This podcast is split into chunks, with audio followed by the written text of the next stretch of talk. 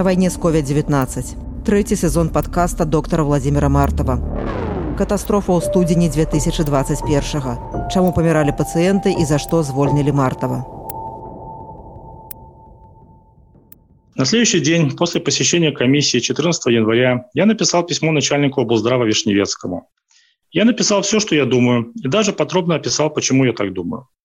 Написав это письмо, мог ли я рассчитывать на понимание? Скорее, я давал начальникам последний шанс. Все-таки Вишневецкий Визовский был человеком почти новым, мог плохо разбираться в ситуации.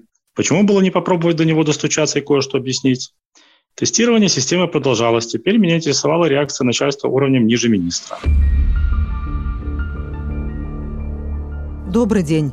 З вами журналістка радыёвабода Ганна Соусі вы слухаеце другую частку трэцяга апошняга сезону падкаста доктара Владимира Мартава на вайне з COVID-19.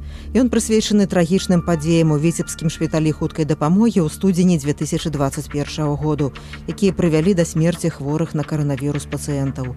Доктар Мартаў расказвае, што адбылося насамрэч. У другой частцы вы пачуеце, Мартаў дае медычным начальнікам апошні шанец. Шчыры ліст кіраўніку віцебскага абласнога ўправлення аховы здароўя вішнявецкаму. Гісторыя забойства першай гарадской бальніцы. Мартаў спрабуе прадухіліць катастрофу з падачай кіслароду ў іншых шпіталях.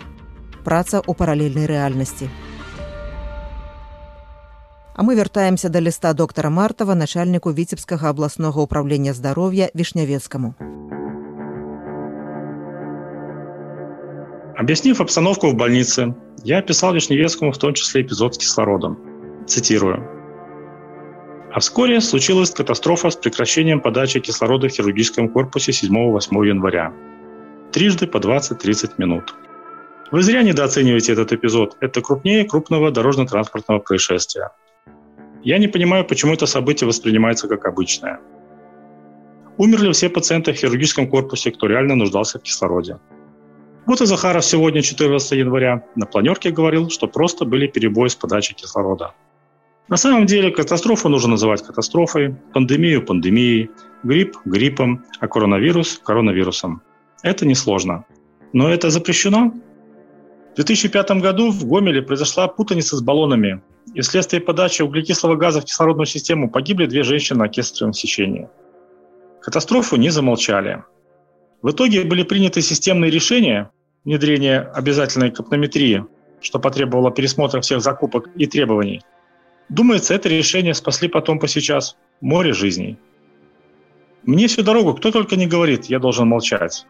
Каждое мое выступление вызывает такие волны, что я не знаю, куда бежать. На самом деле, услышьте проблемы, восстановите обратную связь с практикующими врачами. Как оказалось, мне нужно было раньше начать говорить про неготовность ко второй волне. Мне нужно было не молчать в ЖЖ, мне нужно было не 12 ноября поднять вопрос о недостатках подготовки ко второй волне, а много раньше. Тогда и кислородную станцию бы раньше начали проверять, и другое, что делать раньше. И много бы прекрасных людей, которые могли бы выжить, выжили бы. Я понимаю, что у вас все хорошо. Вы начальник главного управления здравоохранения. И мое интервью Тутбай 12 ноября всем и вам мешало. Мы с вами разговаривали по этому поводу, но говорили преимущественно вы. Запугивали, само собой, Ладно. На самом деле, как вы собираетесь контролировать ситуацию, если у вас и так все хорошо, и проблема внизу пирамиды вы не знаете и не хотите знать? Я бы многое стерпел. Новый главный врач, новая метла метет по-новому. Но у меня перед глазами пример, как в Витебске в свое время убили первую городскую больницу. Был креативный главный врач Виктор Васильевич Батов – который санаторной медсанчасти строительных организаций в конце 80-х, начале 90-х, создал легендарную первую горбольницу. Мощная хирургия, областной панкреатологический центр, инфарктное отделение с интенсивной терапией, инсультное отделение, первое в своем роде, первое в городе лапароскопическая холецистектомия, первая палата пробуждения, лор-отделение. Потом по заказу главного врача Батова сняли. Все это куда-то пропало. И уже 15 лет первая городская больница – это богадельня с непонятными возможностями. Больш дэтальна пра гісторыю першай гарадской бальніцы віцебску доктар мартаў раскажа неўзабаве а я нагадаю што першы і другі сезон яго падкаста на вайне з covid-19 прысвечаныя першай другой хвалі каранавірусу ў беларусі даступныя на youtube канале свабода прэміум і на ўсіх падкаставых платформах Доктар рэаніматолях Владзімир Мартаў шмат гадоў быў загадчыкам аддзялення анестэзіялогіі рэанімацыі віцебскай бальніцы хуткай дапамогі. Адным з першых у Беларусі ён адкрыта расказаў пра рэальную сітуацыю з каранавірусам. Вясной 2021 году з лекарам не працягнулі кантракт, бо ён адкрыта казаў аб праблемах у медыцыне і ў краіне. У лютым 2022 году доктара арыштавалі на сем сутак забел чырвона-белы сцяжок на аватарцы ў фейсбуку. А мы вяртаемся да расповеду доктора Мартова про первую городскую больницу Витебска. Я работал в первой городской больнице на протяжении 10 лет, с 1992 по 2002 год. Тему расцвета этой больницы и ее убийства знаю хорошо. Мне не очень понятна была причина такого решения превратить действующую больницу в богадельню, но техника убийства впечатляла. Вместо инфарктного отделения с платой интенсивной терапии была организована просто кардиология, без современных диагностических и лечебных возможностей. Вместо инсультного отделения с палатой интенсивной терапии просто неврология. Хирургическое лор-отделение просто перевели ко мне в БСМП. И в итоге те же стены, во многом тот же персонал, но без креативной администрации и без перспектив развития. Причем, скорее всего, эта деградация была видна только профессионалам, потому что для остальных стены стоят, кормят хорошо, в палатах тепло, а что еще нужно? А что пропала возможность оказывать помощь в тяжелых, сложных и нестандартных ситуациях? И что закрылась возможность любого развития? Так и хорошо. Пандемия взорвала этот мирок. Неготовность первой городской больницы к приему большого количества тяжелых пациентов с особо опасной инфекцией стала трагедией и для пациентов, и для персонала. Я писал об этом в первой части книги. Именно там от ковида умерла первая медсестра, потому что оказывала помощь пациентам безо всяких средств индивидуальной защиты. Администрация больницы тогда просто испарилась. Организацию помощи ковидным пациентам поручили врачу, физиотерапевту и реабилитологу, которые вернули на место сразу по окончании первой волны, как только прежняя администрация снова заняла свои начальственные места. В письме Вишневецкому я привел примеры других выдающихся организаторов здравоохранения города Витебска, которые с началом пандемии самоустранились, а потом вернулись на свои начальственные места, как ни в чем не бывало. Все перечисленные мной, конечно, прекрасные организаторы. Но организаторы чего? Удобство и сервильность. А главное, как ни в чем не бывало. Закончил я это письмо. А што ў гэты час адбывалася ў Беларусі і свеце падчас другой хвалі пандэміі каранавірусу? Пры канцы студзеня колькасць смярцей ад COVID-19 у злучаных штатах перавысіла колькасць загінулых падчас другой усесветнай вайны. У свеце зафіксавалі 100 мільёнаў выпадкаў заражэння COVID-19. Чэхія закрыла мяжу праз пагаршэнне сітуацыі з каранавірусам. У нямметчыне падоўжылі жорсткі лакдаун праз новыя мутацыі каранавірусу. Еўразвяз і сусветная арганізацыя здароўя заявілі пра намер даць вакцыну супраць COVID-19 краінам усходняга партнерства, у тым ліку Беларусі. Уладам Беларусі заходняй вакцыны ад каранавірусу не спатрэбіліся. А міністэрства аховы здароўя Беларусі зацвердзіла план вываду шпіталёў з каранавіруснага рэжыму працы праз тое, што, як сцвярджалася, палепшылася эпідэміялагічнае становішча. У Беларусі пачалася вакцынацыя ад каранавірусу расійскай і кітайскай вакцынамі. В феврале 2020 года работы оставалось много, а ковид продолжал собирать свою жатву. Мы существовали с администрацией в параллельных реальностях. Она общалась с врачами отделения реанимации поверх меня, я работал сам по себе. Мы впервые с начала пандемии получили новый дыхательный аппарат фирмы Дрегер. Он мог позволить нам освоить новую методику подачи кислорода, высокопоточную назальную оксигенацию, так называемую high flow.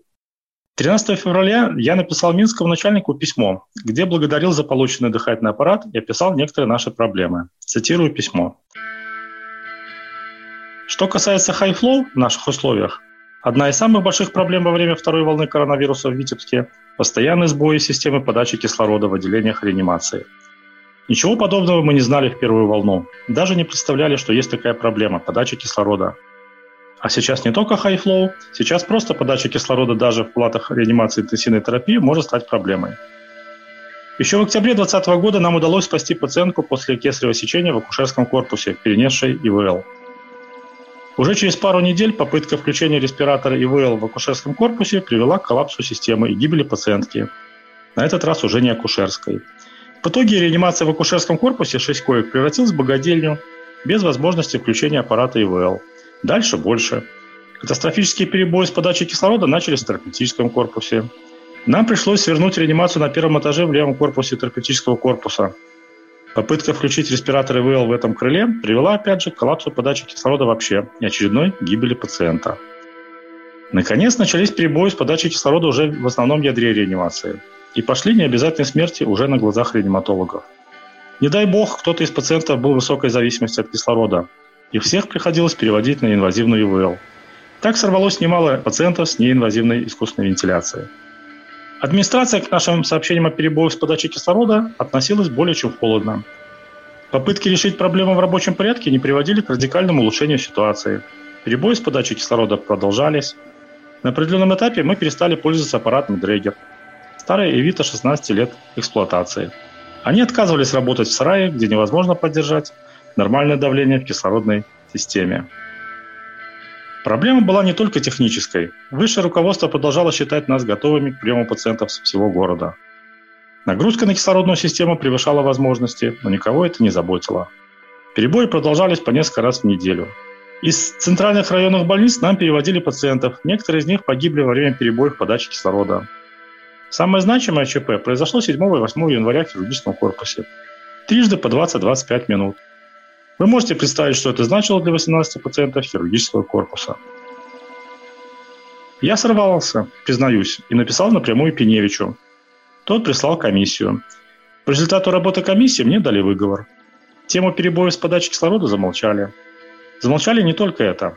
А неделю назад произошел очередной сбой с подачей кислорода.